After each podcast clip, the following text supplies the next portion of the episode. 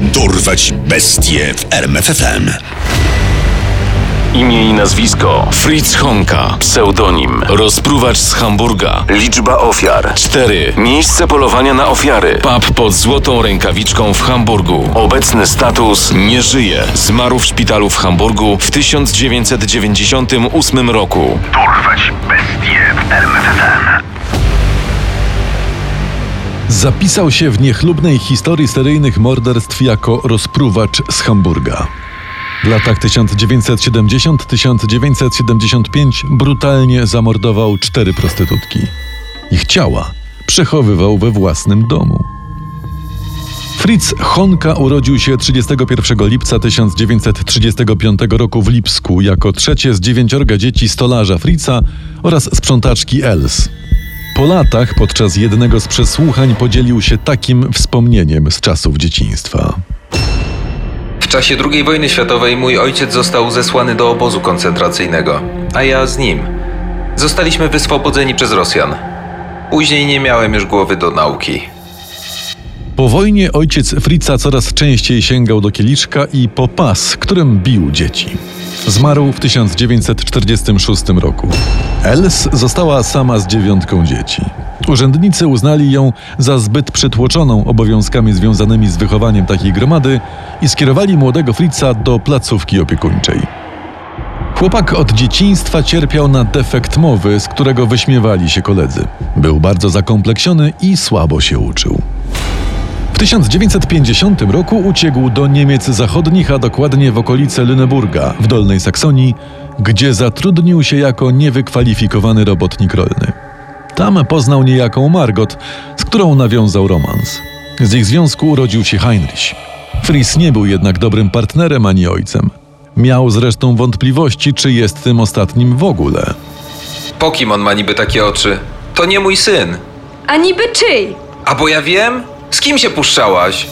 Pewnego dnia Honka zapłacił Margot 3000 marek na dzieciaka, po czym udał się pociągiem do Hamburga w poszukiwaniu pracy i szczęścia. W 1956 roku zatrudnił się jako robotnik w stoczni Howaldwerke Deutsche Werft. Niestety wkrótce potem uległ wypadkowi drogowemu, na skutek którego doznał trwałych obrażeń. Jego nos został zmiażdżony. Do tego po wypadku został mu tik nerwowy, co wiązało się z nieustannym mruganiem. Już wcześniej cierpiał na kompleksy z powodu zeza, niskiego wzrostu i braków w uzębieniu.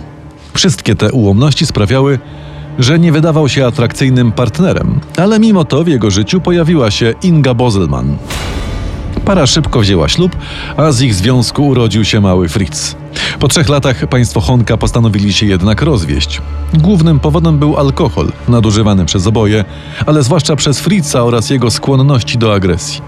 Po rozwodzie nastąpił nieoczekiwany zwrot akcji. Inga, zmienię się, obiecuję. Spróbujmy jeszcze raz, dla naszego syna. Chcesz, żebym do ciebie wróciła? Honka właśnie tego chciał i para ponownie stanęła na ślubnym kobiercu. Niestety sielanka nie trwała długo. Z mieszkania małżonków co róż dochodziło odgłosy awantur, a nawet bijatyk. Ostatecznie ich drugie małżeństwo skończyło się ponownym rozwodem w 1967 roku. Honka wynajął wówczas niewielkie obskurne mieszkanie przy ulicy Zeissstrasse w dzielnicy Ottensen w Hamburgu, które wykleił zdjęciami pornograficznymi.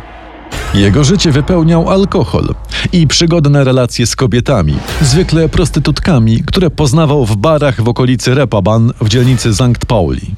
Szczególnie upodobał sobie pub pod Złotą Rękawiczką, miejsce spotkań starszych prostytutek i różnych życiowych rozbitków. Honka pracował wówczas jako stróż nocny na stacji Shell i jak zeznał później, Chodziłem do tego pubu po to, by się oderwać i porozmawiać z ludźmi. Rozmowy te nie skończyły się jednak dobrze dla kilku kobiet zapraszanych przez niego do mieszkania.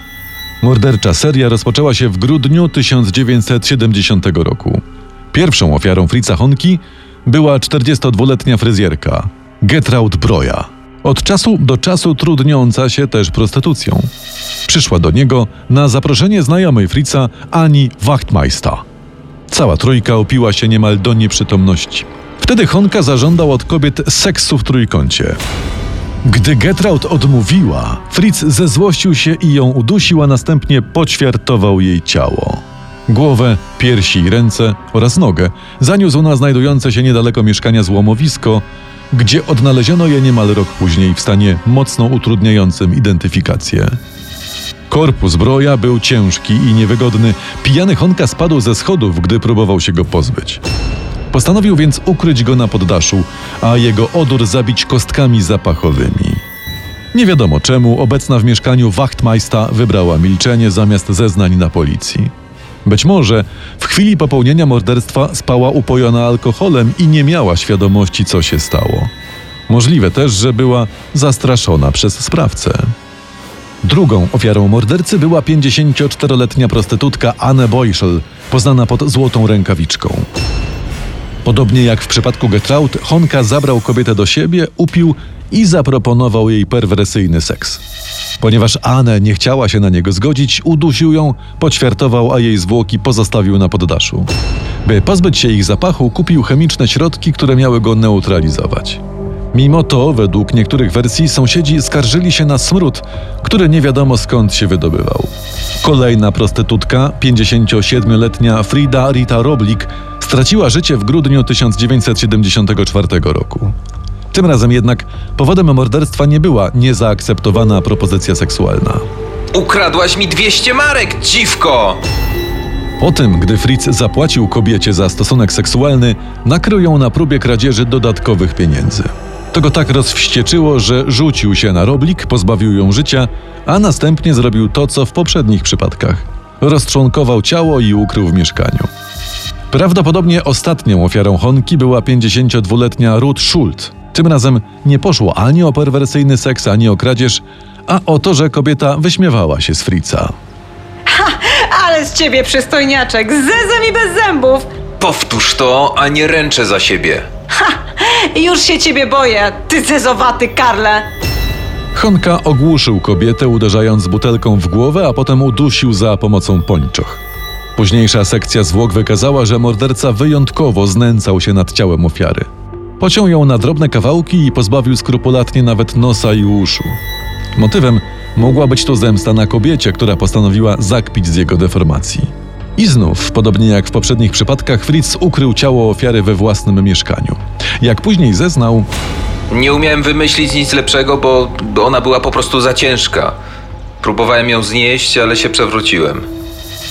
Nie wiadomo, ile jeszcze potrwałby morderczy szał Fritza Honki, nazywanego później przez media rozprowaczem z Hamburga, gdyby nie czysty przypadek. Jednym z sąsiadów Honki był norweski marynarz, który nie płacił regularnie rachunków za prąd, wskutek czego odłączono mu go, a marynarz oświecał mieszkanie za pomocą świec. Około 3.30 w nocy, 17 lipca 1975 roku, zapomniał zgasić świecę, co spowodowało pożar. Ogień zajął także mieszkanie Fritza, nieobecnego z powodu pracy stróża nocnego. Podczas gaszenia pożaru strażacy dokonali wstrząsającego odkrycia. Ty kurde, czujesz ten smród? Ty, tu są jakieś szczątki, chyba ludzkie.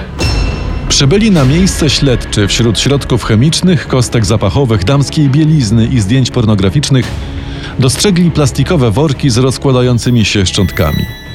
Tak to zbieg okoliczności sprawił, że 40-letni Fritz Honka stanął przed wymiarem sprawiedliwości. Początkowo przyznał się do zabicia trzech kobiet. Nieco później udowodniono mu również zabójstwo czwartej, która de facto była jego pierwszą ofiarą Gertraud Broja.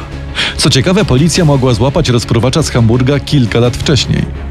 Przez krótki czas mieszkał on z kobietą, która nazywała się Imgard Albrecht. 5 sierpnia 1972 roku zaprosił do siebie znajomą, Ruf Dufner. Gdy wszyscy byli już pijani, Honka zaproponował jej seks w trójkącie. Ruf wybiegła nago z mieszkania i zgłosiła się na policję. Fritzonka, jest pan aresztowany za próbę gwałtu. W momencie aresztowania Fritz miał we krwi ponad 2 promile alkoholu. Zarzut gwałtu został wycofany, a oskarżony miał zapłacić 4,5 tysiąca marek za nieobyczajne zachowanie. Niestety policjanci nie wpadli wówczas na pomysł, by przeszukać mieszkanie Honki, gdzie znajdowały się już zwłoki jego pierwszej ofiary.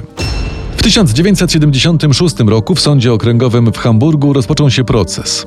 20 grudnia Fritz Honka został skazany na łączną karę 14 lat pozbawienia wolności za tylko jedno morderstwo oraz trzy zabójstwa popełnione w stanie ograniczonej poczytalności.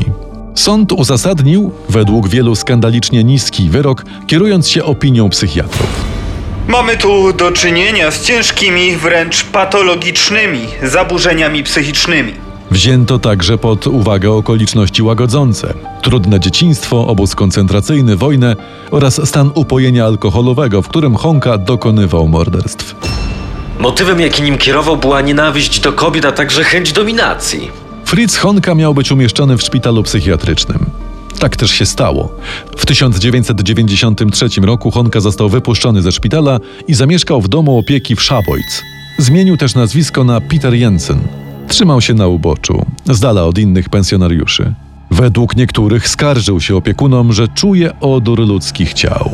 Fritz Honka, alias Peter Jensen, zmarł 9 października 1998 roku w szpitalu w Langenhorn w Hamburgu. Jako przyczynę śmierci podano długoletnią wyniszczającą chorobę alkoholową. W 2019 roku widownią festiwalu Berlinale wstrząsnął film Złota Rękawiczka. W reżyserii Fatiha Kina nominowany do Złotego Niedźwiedzia. Opowiada on o rozpruwaczu z Hamburga, a tytuł obrazu zaczerpnięty jest od nazwy pubu, w którym przez lata polował on na swoje ofiary. Poznaj sekrety największych zbrodniarzy świata. Dorwać bestie w RMFFM.